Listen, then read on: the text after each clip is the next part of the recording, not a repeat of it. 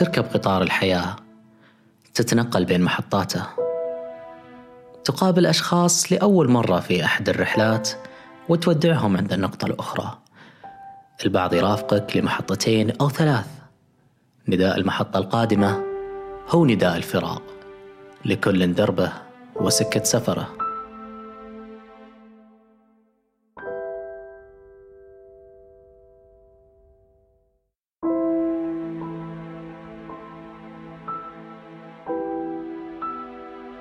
يقول لك بعضهم أنت تملك كل زمام حياتك.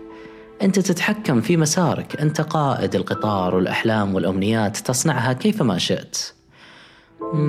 بالغوا شوي. أعتقد أن هذه الفكرة على جمالها إلا أنها ستكون محبطة جدا في يوم ما.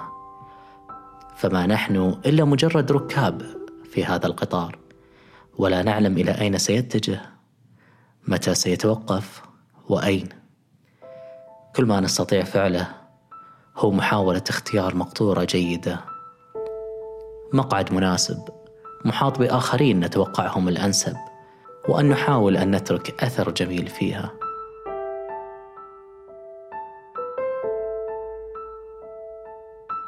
محطة الفراق وإن تأخرت حتما ستأتي. يوما ما ستودع كل حبيب ظننت أنك لن تعيش بدونه. سيتحول كل واقع جميل لذكرى. سيمضي كل هم أيقنت أنه لن يمضي. ستختفي كل مشكلة.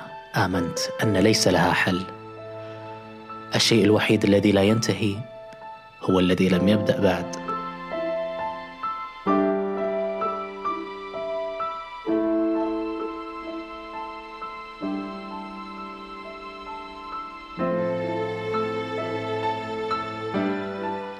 المقلق وقد يراه البعض من حسن الحظ بأننا ما راح نعرف متى النهاية إلا عند النداء الأخير. فجأة ينتهي كل شيء ويعلن المنادي بقيامة لحظة الرحيل. طيب ليش ما نعيش كل محطة على أنها الأخيرة؟ كل غروب نتأمله الغروب الأخير. كل حب نعيشه الحب الأخير. كل فرصة نمسكها الفرصة الأخيرة. حتى لو عشنا ذلك وعشنا الحياة لأقصى احتمالاتها وحدودها هل راح تكفينا القبلة الأخيرة؟ العناق الأخير؟ ونمضي بعدها في دربنا ونقول خلاص اكتفينا؟ ما أظن هذا سيحدث حتى لو استعدينا للرحيل راح يبقى له غصة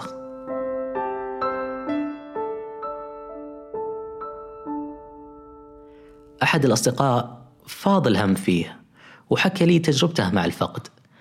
كان يتواصل مرئيا مع أخوه المبتعث قبل عودته للوطن بإجازة رأس السنة. والأخ المبتعث صور له جاكيته الجديد وطلب منه صاحبنا يشتري له واحد مثله. علاقتهم كانت أكثر من مجرد أخوة صداقة قديمة كم هائل من الذكريات والمغامرات المشتركة من أيام الطفولة. لدرجة أنهم ما زالوا يحبون يطقمون ويلبسون نفس الملابس مع أن أعمارهم فوق الثلاثين.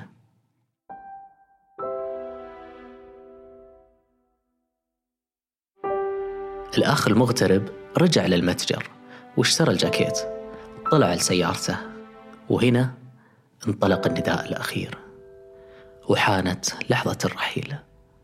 جت سيارة غادرة ودهسته بحادث مأساوي. كان وقع الخبر على صاحبنا مؤلم جدا. وسألني بإحسان ظنه بعد أسبوع من الحادثة كيف ممكن أتعامل مع الفقد؟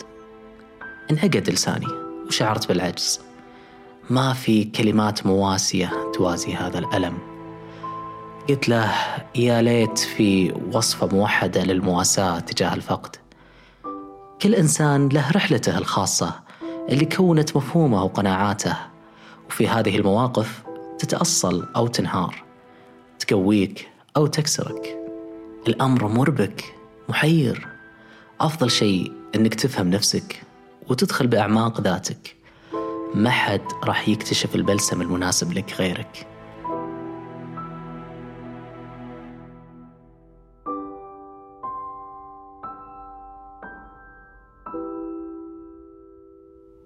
وتذكر دايم أنك محظوظ جدا. لأنك امتلكت مخزون هائل من الذكريات الجميلة مع أخوك. كثير انحرموا من هذه العلاقة النوعية وطاردهم تأنيب الضمير وجلد الذات لأن مخزونهم من الذكريات السيئة كان أكثر.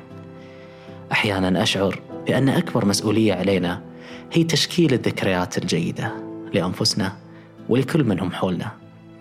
الأثر الطيب والذكريات الجميلة هي إحدى غايات هذه الحياة هي الزاد اللي يعيننا لمواصلة الرحلة للوصول إلى الطريق القادم. كان معكم بدر الحمود. شكرا لاستماعكم.